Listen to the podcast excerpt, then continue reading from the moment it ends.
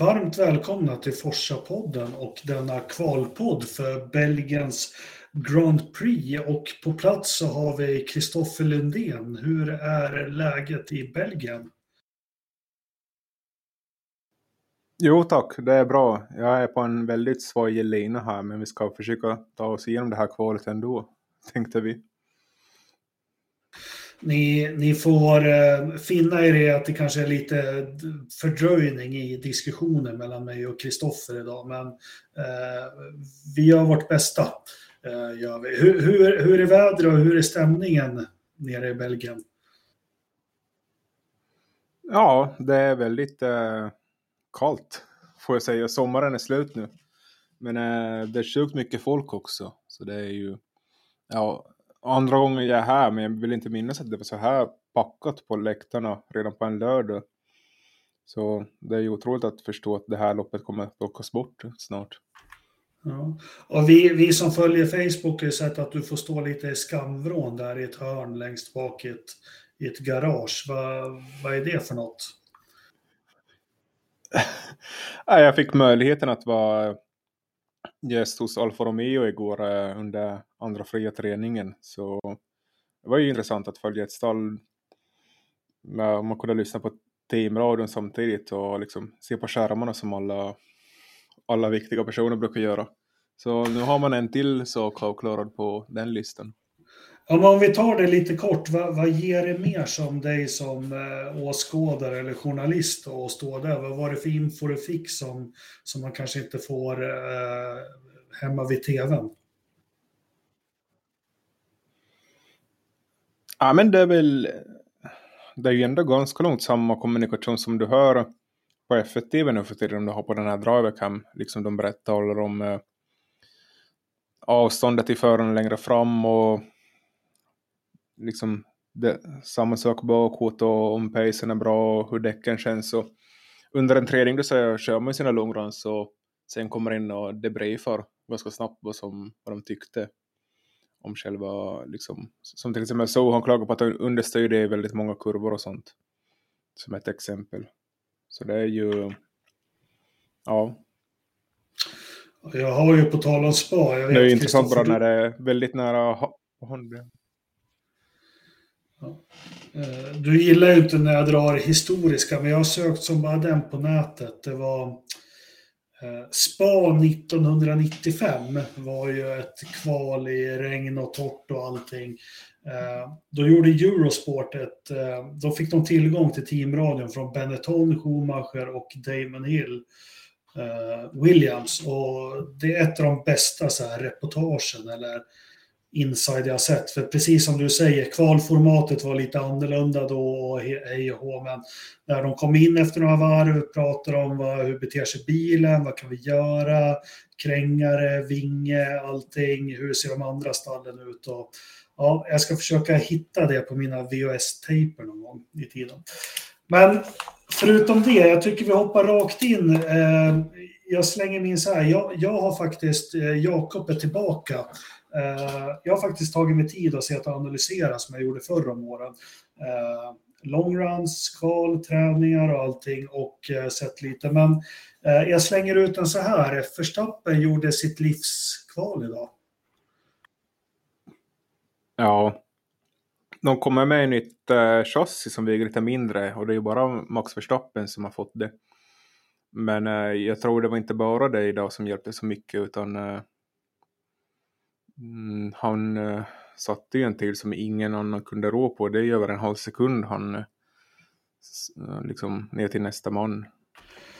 Ja, han gjorde ju, han ja. gjorde ju det här som, som Prost och, och gjorde förr i tiden att eh, det går inte att köra fortare än så här, så jag, jag hoppar ur bilen.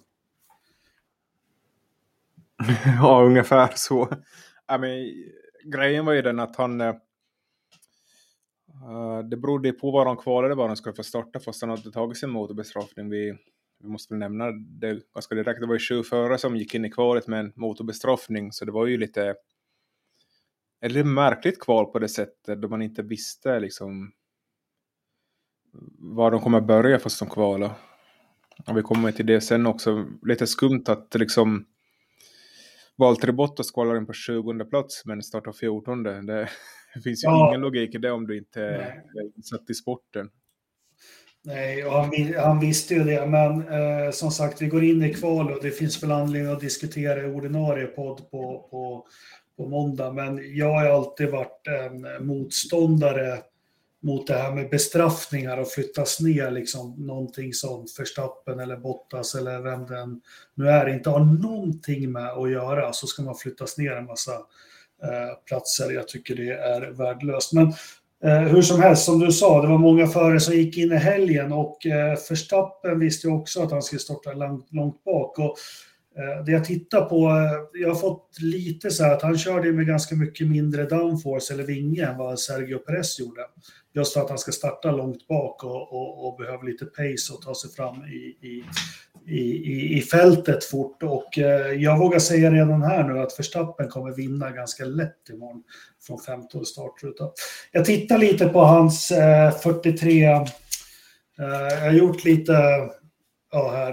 Eh, jag tittar på hans 43 6-varv här. Eh, och alla vi som har du gjort anteckningar? Ja, jo, men jag har verkligen gått in för att analysera här. Eh, vi vet ju att SPA, ja. sektor 1, sektor 3, eh, sektor 1, sektor 3, det är mm. toppfart. Vi har ett kurvigt parti mm. i sektor 2. Eh, vi vet att Verstappen kör med mindre downforce. Eh, han gör sektor 2 på 44,2. Eh, Perez är en likadan bil med mer downforce gör sektor 2 på 44,6. Och tittar vi på det som alla trodde att det här med regelförändringar skulle gynna Mercedes och det tyckte jag jag var ganska tydlig med i måndags att det är bullshit. Det kommer inte, det kommer inte gynna dem ett skit. Men eh, jag sa Verstappen gör sektor 2 på 44,2. Hamilton gör en på 44,9. Alltså sju tiondelar i sektor 2 tar Verstappen på Hamilton. Han tar två, eh, fyra tiondelar på press.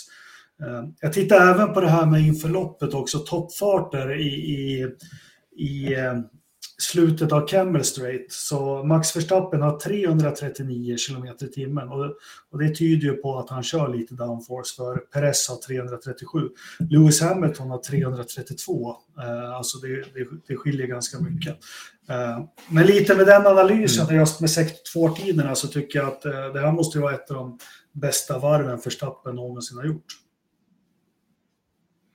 Ja, han sa ju det också att eh, balansen har ju varit bra hela helgen och sen så ändrade han lite från FB3 till valet också som gjorde bilen ännu bättre. Så en drömstart för honom på helgen när, eh, när du sätter dig i bilen och balansen är som man vill ha den direkt från första, liksom första dagen. Det är ju det alla föresträvar efter men eh, väldigt sällan man lyckas uppnå det. Så jag vet inte om han hade bra inställningar från i fjol eller var mycket simulatorjobb på det, just den här banan. Eller...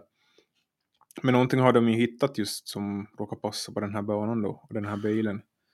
För man kände ju lite att Ferrari kanske skulle vara den här typen av banan skulle passa Ferrari men eh, jag vet inte. Det kändes som att de inte hade någonting mer att ge när det verkligen gällde sen. Fast Sainz höll på att köra av sitt, på sitt sista kvalvarv. Ja. Jo, men han, han, eh, han eh, begär lite för mycket av den här bilen och överkör den nu, tycker jag ganska tydligt. Men sen fortsätter ju strulet. De skickar ut Leclerc på nya däck när han ska vara draghjälp åt Sainz. Eh, Leclerc klantar sig i, i FP3 och kör av. Eh, såg lite ut som på Ricard-avkörningen där. Eh, överstyrt ingången till kurvan och hämtar inte upp den. Nej, men eh, vi kan väl bara säga så att de här nya reglerna verkar inte ha gynnat Mercedes som alla förstår sig på trodde. Äh, då, några förare fick ju frågan där efteråt, men äh, de sa ju att det inte hade blivit någon skillnad alls nästan.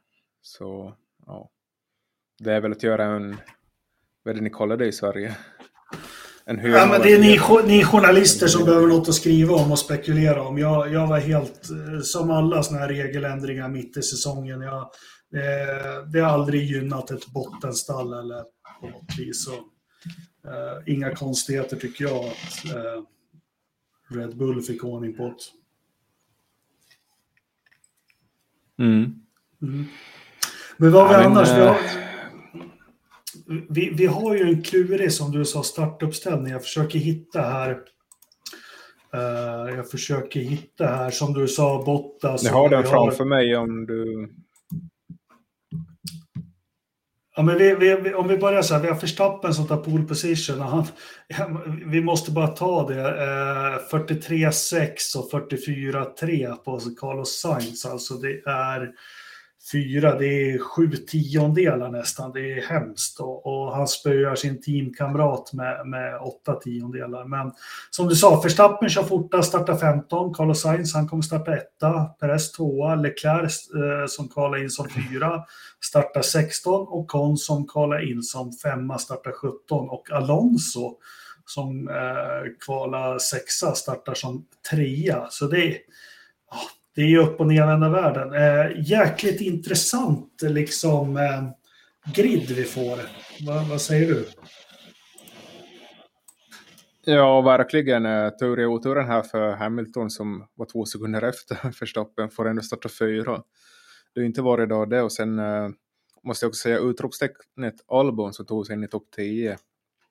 Eh, nästan dagens... Var, var, var kom den ifrån? Var, var kom den ifrån?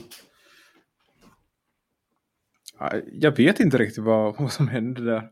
Han hade väl lite flyt som man behöver när man ska in i topp 10 också, men äh, ja, liksom. Det var ju några borta som hade potential att komma i topp 10, typ Bottas, äh, Schumacher och någon till. Så då är det ju någon annan som får den här platsen istället. Så är det ju. Eh, det tråkigaste var väl, var väl Vetter som blev utslagen i Q1 men äh, startade ändå tionde. Så det, ja, ni ser, när jag läser upp resultatet, det är ju märkligt att man kan komma på 15 och starta tionde ändå. Ja, men, det, det, är ja. jättekonstigt, men vi, vi får ju en mixad startuppställning också. Vi har Russell femma, Albon startar sexa, eh, Ricciardo sjua, Gasly åtta, sen har vi Stroll som, som nia. Och eh, samtidigt så tror mm. jag inte det större liksom problem att ta sig förbi. Vi säger de här Ocon och eh, Alonso lär väl vara mumsbitar. Eh, Russell Hamilton och Albon är väl mumsbitar och Ricciardo. Eh, då tänker jag mumsbitar så tänker jag på Verstappen då som eh, Ja.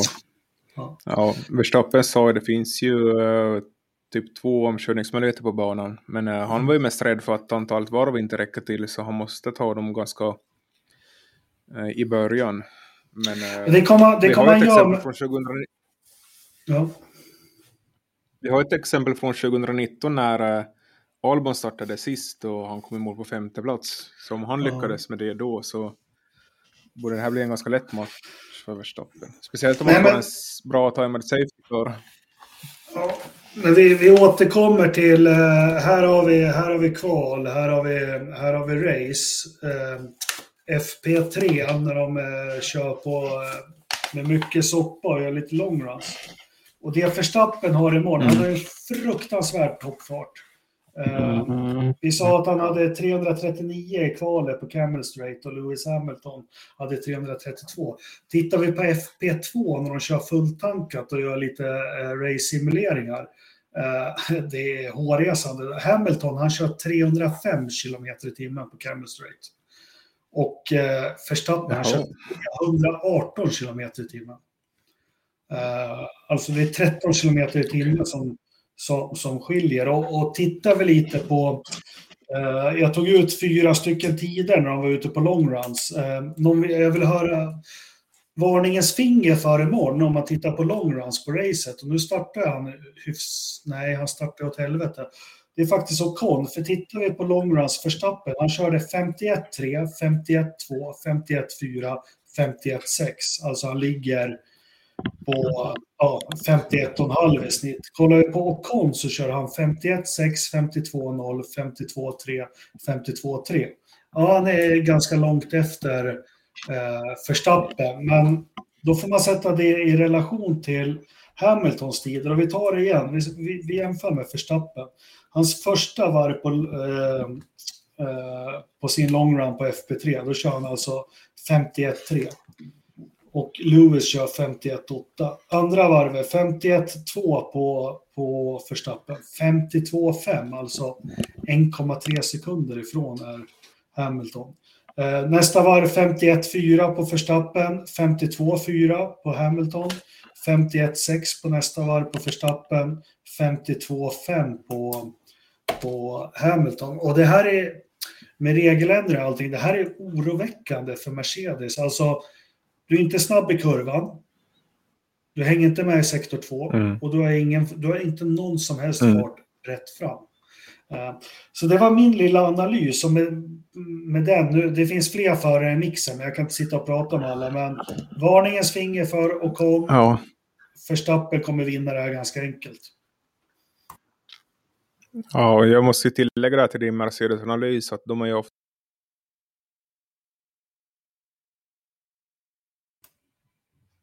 Nu, nu frös Kristoffer här precis i, i, i, sin analys eh, vad Mercedes har sagt. Eh, eh, gjorde han. Men, men återigen, vi, vi kan väl ta lite eh, vi kan väl ta lite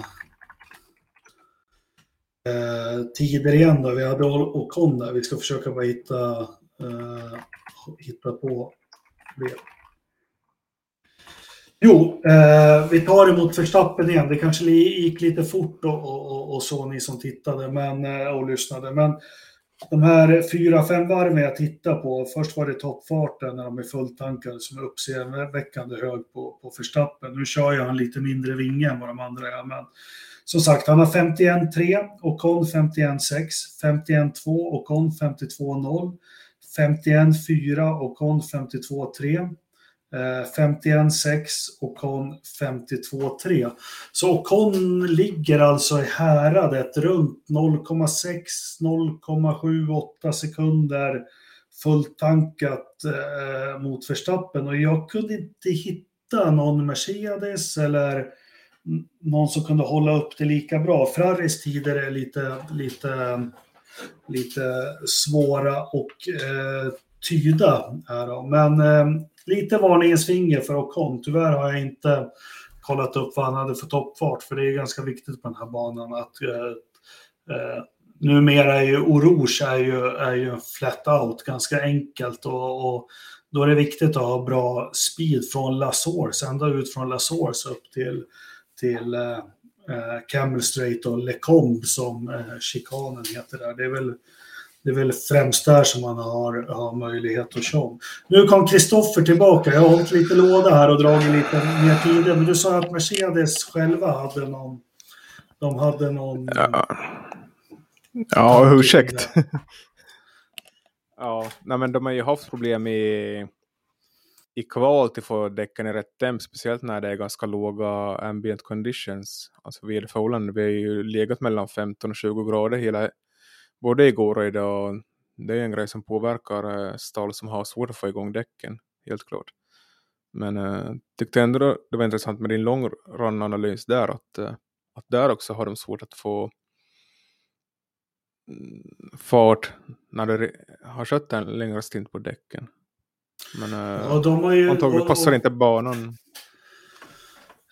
Fast de har ju, det här är en bana, de har ju ingen fart rakt fram heller som jag pratar toppfarten. Jag menar 13-14 kilometer i timmens skillnad där uppe på Campbell Straight inför Lecombe. Liksom, eh, jag sa det när du var borta nu att senaste tio åren så handlar ju spa om från La Source hela vägen till Lecombe så är det ju, det är ju plattan i mattan, det är full fart. Eh, mm.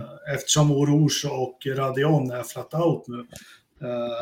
Så, så då, då, är det viktigt. Men återigen, som jag, som jag inledde podden med att eh, eh Förstappen kör med ganska li, lite vinge för att få den här toppfarten för att kunna klättra, klättra i fältet så är det jäkligt imponerande att han kör 44-2 i sektor 2 där vi har, eh, vad har vi för kurvor? Vi har den här vänstern utan namn, vi har eh, eh Stavelo, eh, Pohon.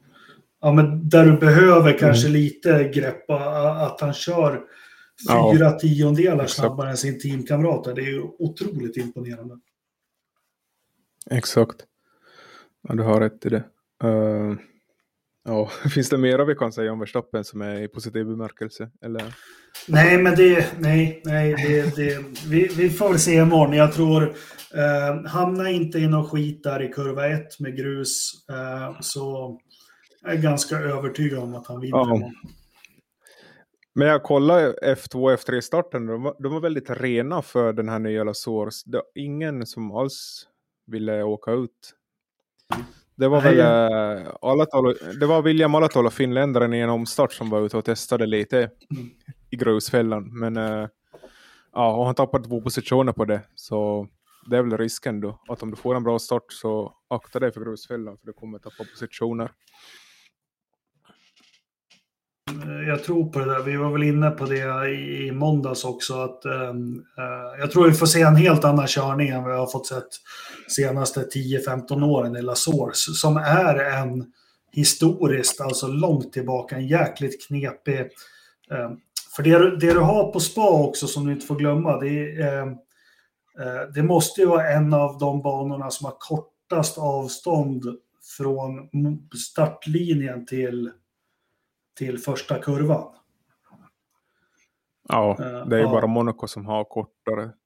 Precis, så det, det liksom är ju som gjort. Men jag, jag tror också vi kommer få se otroligt disciplinerat och det är väl säkert någonting de pratar om på förarmötet imorgon. Men du, du som är på plats, mm. har, eh, ja. det är massor. Nu är det här en kvalpodd, så då ska vi snacka kval. Vi har ju väldigt mycket att fylla ut måndagens program med, med Audi och Volkswagen och, och Porsche och allting. Vi, vi låter det vara därhän. Eh, har du eh, någon annan info som du har snappat upp?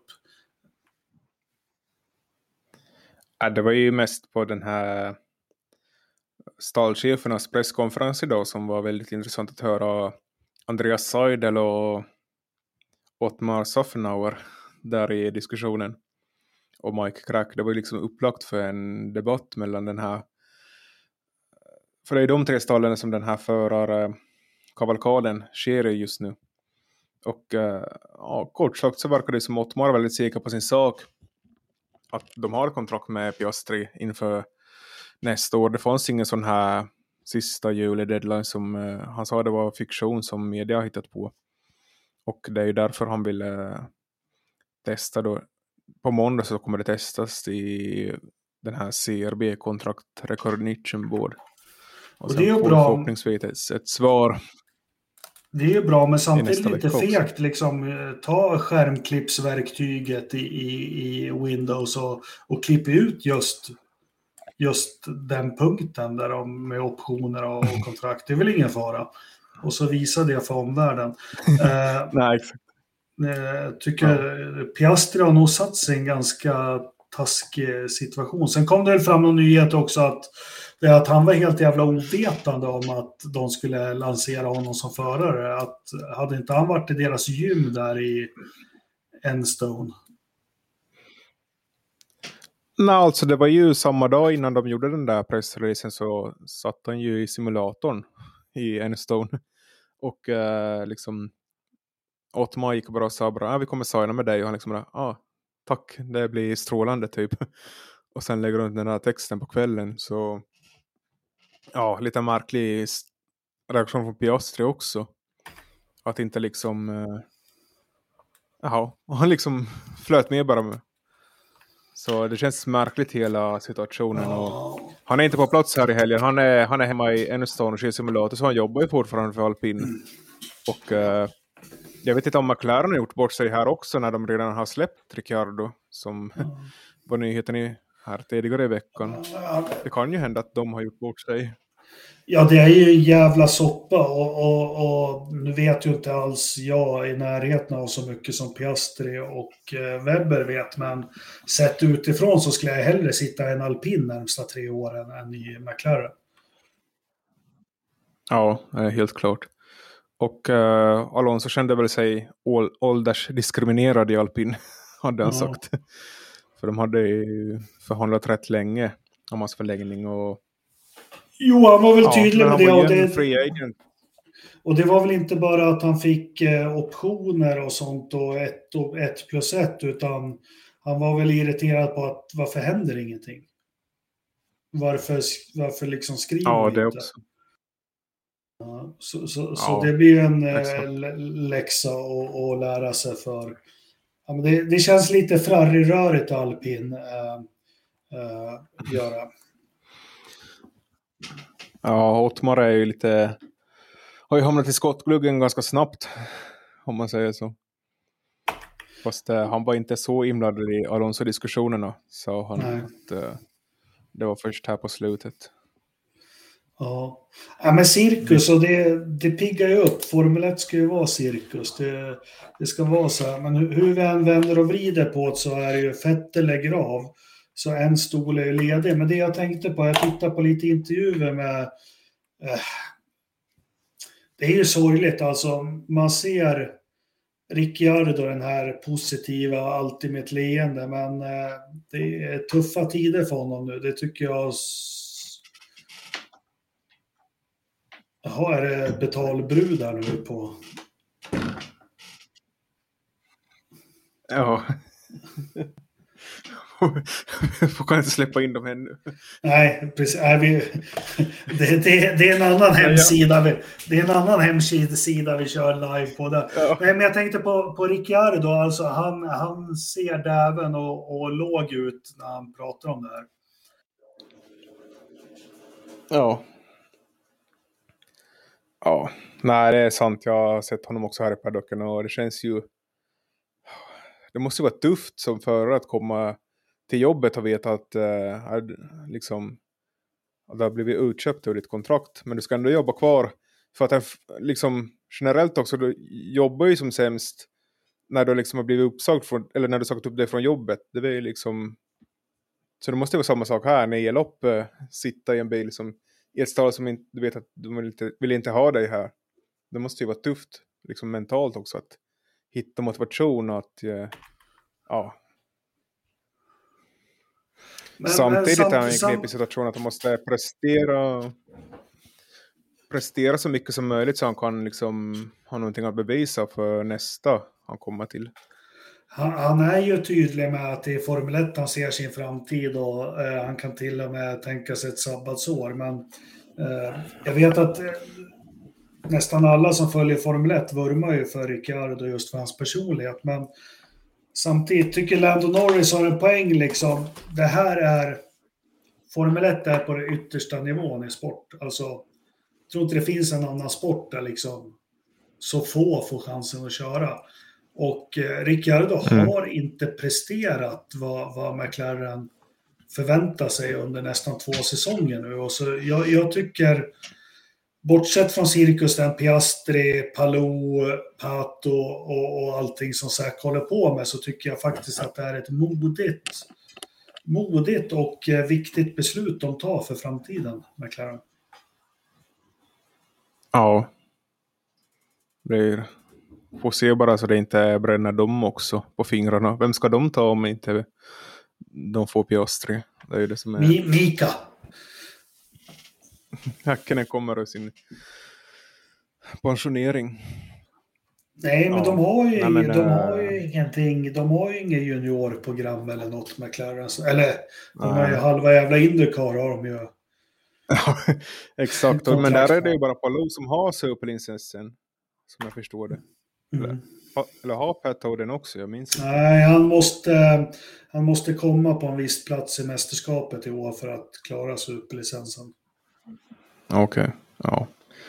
Ja, ja. Men äh, intressant också med Gunther Steiner igår. Äh, han sa, mm, det var mycket riktigt om att äh, hade du liksom snackat äh, Ricciardo och Steiner och sånt och det kom ju ut någon läck om att de har pratat men att äh, han sa att de har haft lite kontakt men det var långt innan ungen. Så det, men det är ju hans äh, grej att hålla kontakt och se liksom vad som händer. Det behöver inte betyda någonting att de har haft kontakt äh, på det sättet. Men äh, Steiner sa en bra sak där att varför skulle vi ta Ricardo? Det finns ju en orsak till att McLaren inte vill ha honom också. Ja, jo visst är det så. Sen, sen, så är det ju, det är lite, nu, nu är du en del av pöbeln, journalister här, men alltså, nej, men det tillhör väl vardagen att varje dag att alla pratar med alla, så är det ju. Ja, exakt. Nej, men det är väl inga ja. konstigheter alls att, att, äh, att de har pratat, men jag har svårt att se Ricciardo en has. Jag som följde F1 Sky hade ju uh, Günther, de har ju en stallchef varje vecka eller lopp som mm. de snackar med. Uh, och då började de prata om förra situationen. Han bara, what the fuck, nej men, uh, sa han inte. Men han bara, skulle vi inte prata om kvalet idag? Uh, men känslan är att de håller på att utvärdera ganska hårt om de vill behålla Mick. Ja, exakt. Och jag frågar också om den här, varför de tar in Giovinazzi på två fri praktis, för han uppfyller inte rookie-kravet på FIA. Men det var väl eh, Binotto som hade frågat om ni, om ni vill köra honom i två träningar och, och Gunther sa att ja, men liksom, han är ändå en erfaren förare Giovinazzi, så det är ju bra för dem också att få ett, en, liksom en tredje förares perspektiv på deras bilar. Och uh, ja, men jag vet men inte det... hur Åt, återigen, Formel 1 har skjutit sig i foten liksom med, med, att man inte får... Alltså skulle det här varit för 20 år sedan, då skulle Giovinazzi snurrat på Mugello i en hasbil mellan loppen. Mm. Uh, ja. Jag tycker att det känns, om Formel 1 vill, vill gå dit som de säger att de ska gå, så det är mycket viktigare att en uh, ung, gärna med lokal anknytning, får chansen att köra de här fria träningarna under en Grand Prix-helg. Ja, absolut. Men äh, ja, då allting ska begränsas och kontrolleras så blir det ju så här. Men äh, jag vet inte, är Giovinazzi en potentiell kandidat för Haas nästa år? För han sa lite också, han vill inte ha någon rookie, Günther Steiner. Han, han sa ju förra året var lite tungt. Förstås, det var ju andra grejer också som gjorde det tungt förra året, men det var inte det bästa att liksom köra med två rookies. Eh, Nej, sen var han ju tydlig idag att han måste ju, Mr Haas, som han sa, måste ju mm. eh, få säga sitt också. Men eh, nej, jag tror inte på, för Haas är ju fortfarande ett ganska nytt, nytt stall och jag tror inte på att två rookies. Nej, jag tror inte det. Du ja, behöver någon som och... kan leda. Exakt, och mm. Men eh, han sa också Gene Haas på plats. Han är inte bara i helgen men på Sandvort och Monza och då ska de väl börja diskutera det här. Så det senast i Monza då borde det klarna lite mer vem, vem som tar det här andra sitsen. För det finns inte så många platser kvar nu på nästa års grid. Nej. Men du, jag tänkte på en annan sak. Vi har, vi har ju en liten privat chatt där vid Forsa-redaktionen och eh, vi tjafsar ju som bara den. Eh, Bottas, stackars Valtteri som alltid har fått en års, ettårskontrakt, han måste ju ångra sig ner i graven att han har en tvååring nu, för annars skulle väl han varit gjuten i alpin med tanke på att han körde skjortan av Hamilton under fem säsonger i Mercedes. Nej, men han ska ju bara köra för Audi. Ja. Ja. ja har vi Bottas kvar 2026? Absolut. Ja. Ja, men det blir intressant att se. Det här är ju också en diskussion för måndagen, men uh, liksom varför skulle Alfa Romeo dra sig ur nästa år då om det inte finns, vad vet Alfa Romeo då som inte vi vet? Nej, men de var ju bara griniga. Det var ju bara så, så, så jävla larvigt. Och vi satt och bollade i samma chatt liksom. Jag är tvungen att gå in och titta. Vad säljer de? 26 000 bilar per år. Worldwide. Ja, exakt. Ja, men herregud vad de bara... Alltså, äh, ja men det har väl varit...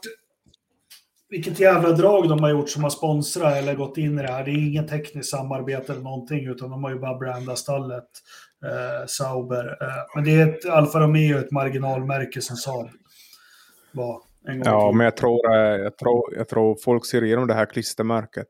Det känns ju lite som att de betalar för en väldigt stor logga bara. Och ja. Folk som vet hur sporten är så förstår ju det också. Ja. Jag, jag, gillar inte den typen av, av um, samarbete. Jag tycker Alfa Romeo borde ha... Men, men där har vi också återigen min kritik mot Formel 1. För att Alfa Romeo har ju varit ett stall i Formel 1 på 50-talet, på 70-talet, mm. på 80-talet. Det är för dyrt. Det är till och med för dyrt ja. för Alfa Romeo att ens tänka på att bygga en motor nu. Som de kanske skulle kunna gjort ja, men... 1991 så skulle de kunna snickra ihop en jävla V12 som vägde 300 kilo eller någonting. Ja, men du måste ju tänka på att Alfa Romeo tillhör Stellantis nu för tiden och det är ja. ju världens största bilkoncern så mm. pengar har de nog om mm. de vill gå in med en helhjärtad satsning. Men uh, de verkar gå åt andra hållet nu då istället. Ja. Nej, vi, vi kommer snacka mer om Porsche, Volkswagen och eh, eh, Audi på, på måndag i ordinarie podd. Som sagt, det är en kvalpodd. Men eh, mm. Eh, vi fick ju som jag sa... Men vi måste ju de, prata om... Ja, vad måste vi prata om? Ja. Bottas. Bottas kval idag, eller Bottas helg. Det är ju... Ja, han var ju hej och hå. Jag, jag får dra runt kinesen för jag skulle bara Ja, stackars Bottas. Nej, men... Eh, Ta er för långt. Nej, men det, det är ju det här typiskt. Alltså, men du som är historiker, vi du har någon annan förare som har haft så mycket otur som Bottas. Det är säsonger i rad och, och oflyt liksom varenda helg. Ja, fast Mika hade ju otur hela tiden och Kimmy hade otur och Bottas ja. otur. Och... Nej, men Bottas, Hej, du ska vara helt jävla ärlig. Jag vet, du, du gillar ju Bottas. Eh, och, och det gör jag med på något vis. Men Bottas är ingen superstar. Uh, jag var så jävla förbannad när vi satt och chattade idag. Uh, så jag liksom tittade, han har startat hundra lopp. Alltså han har startat hundra lopp i, det, i den bästa bilen som någonsin har byggts, alltså under de här fem åren. Och han har lyckats vinna tio av dem. Ronnie Pettersson startade 123 lopp i skit och han vann 10 lopp. Bottas är kompetent, Eh, han är jättebra där. Det är ingen Max Verstappen, det är ingen Lewis Hamilton, det är ingen George Russell, det är ingen Landon Norris. Ja, men eh, sen måste man ju bryta ner också alla de här loppen och se på varför han inte vann. Jo, men det är, precis det, jag, det är precis det jag har gjort idag på Han vann, han, vann, han vann inte för han var för långsam och för mjuk. Nej, nej. Har du gått igenom varenda lopp och sett vad som har hänt i... Alla, alla utom tre då, kanske. Ja. ja, exakt. Och hade han det på en eftermiddag. Okay. Ja, men han är jätte... Alltså, Valtteri var jätteduktig att köra på Sochi. Nej. Det är han jättebra på. Där gick ja. det superbra. Så var han jätte, jättebra i ja. Australien så här, när alla var lite sömniga första loppet. Och så to it main concern, fuck off. Liksom, han var skitbra. Men sen, sen ja. så Sen så var han supermjuk, men det bästa Bottas har gjort, det var när han lyckades bovla ut hela jävla fältet i Ungern förra året. Det, det var riktigt skickligt. Hur fan, det var ju Trevallars karambol. Det var ju det var en spärr i bowling liksom, hur han lyckades med det där. Ja, var och en med sina fetischer. Nej, men, nej, men jag, jag håller Bottas högt, men han är inte en superstar. Alltså han är en otroligt kompetent racerförare. Och han är strax under de Jag skulle ranka honom... Alltså väldigt, väldigt många håller honom topp fem i F1 just nu. Av. Jaha. Ja. Ja. Har du inte hört? Nej, men sen är det alltid svårt för du blir väldigt påverkad av vem du har som stallkamrat som, eh, som man tänker på Stoffel Van Dorn som jag såg idag. Mm. Han hade återvänt för Alonso som stallkamrat och ja, vi vet hur det gick med hans Jo, fast... Det handlar ja. Men de här jävla medelmotorna, massa och sånt, de blir ju påverkade. Men Hamilton, han gör debut 2007 och får Alonso som stallkamrat. Påverkar inte honom så jävla mycket. Eh, Montoya kommer in i McLaren, det påverkar inte Kimmy så jävla mycket.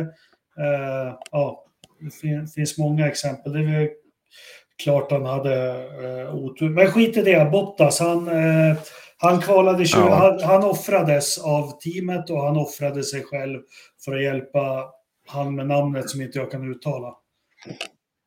Ja, men uh, han visste ju ändå att han skulle starta 14 så ja. därför kunde de göra det. För att So fick ju också en bestraffning, men hans bestraffning berodde, eller hans startposition berodde ju sen på var han kvalade. Det var väl mellan honom och Mick Schumacher, så därför fick han draghjälp då. Men uh, det var ju ett, faktiskt ett amatörmisstag att uh, uh, det var bara en hydraulikklämma som hade blivit fel vid monteringen av nya motorpaketet så på fria praktisen. Så han hann ju bara liksom blåsa upp för Rouge och så flög liksom olja längs med hela Rouge. Ja, det är härligt. Man lägger tre miljarder på att få två bilar att funka varannan helg. Det, ja. ja, men ja, ja, helt otroligt. Och sen liksom slanklämman fattas. Ja, ja. alltså ja. Ja, men vi får se. Liksom jag, jag, jag, jag sticker ut hakan och säger Botta startar 14 i vår. Han kommer sluta på 15 eller 16 plats imorgon. Ja, det är svårt att veta. Han sa ju själv att han, han har inte kunnat köra så många lång, långruns så han vet inte vad pace de har imorgon. Mm. Men eh, de har ju en ny fram och bakvinge specifikt för den här banan faktiskt. Men får se om de har nytta av det också. Vi får se. Hörru, Kristoffer, det börjar ramla iväg upp mot 40 minuter. Vi ska ju hålla de här kvalpoddarna på en halvtimme. Eh, vad tror du om morgondagen då? Ja ja. Jag hade ju tippat att Perez skulle ta det här ganska enkelt, men eh, ändå förvånad att Sainz kvalar bättre än honom. Men eh, ja, det beror mycket på starten, hur den går såklart. Det låter ju som en, det är ju, säger ju alla, men eh, hoppas Alonso kan eh, hålla en plats där på podiet också. Det känns som att det kan bli rörigt om det så här dåligt väder, lite som i Ungern vet du, i starten, de får inte däcken i skick och kanske någon chanser på medium då ligger i vägen för någon annan som startar på soft. Och, Ferrari chansar på hard. Vi får inte veta det längre. Ja, exakt. Vi får inte veta längre vilka däck de startar på före någon minut innan starten drar igång. Så... Men det känns väldigt öppet ändå vem som kan vinna. Uh, kanske George Russell tar sin första seger. Det vore väl bra. Nej, det, det tror jag inte. Men som sagt, vi har vi har hemliga boken med, med alla analyser här. Eh, vi ser fram emot loppet imorgon. Det är en spännande startuppställning. Vad säger analysen om eh, din favorit Alonso då?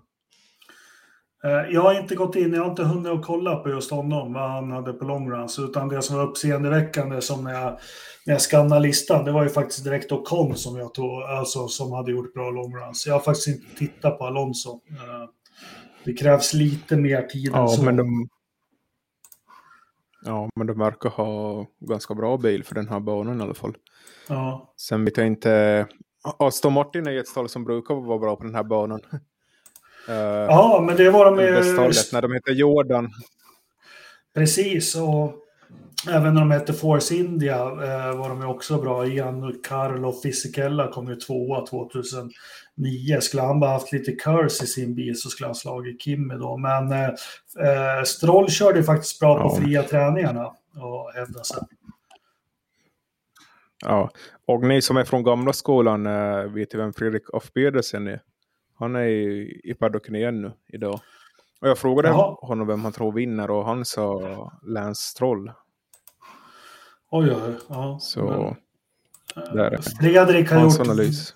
väldigt mycket för svensk motorsport, verkligen. Eh, särskilt på 70-talet. Men eh, han mm. måste ju vara upp mot en 600 år nu. ja, men kul ändå att han är på plats. Jag trodde ja. inte han skulle börja komma tillbaka på plats. Verkligen. Mm. Men du Kristoffer, ska vi se fram emot ett bra lopp imorgon då? Eh, och eh, säga på återseende på måndag? Ja, det säger vi. Uh, stötta podden, köp tröjor på Podstore och bli patrons. Skänk en tusenlapp i månaden till oss. Uh, eller skänk inga alls. Vi kommer i alla fall ja, fortsätta.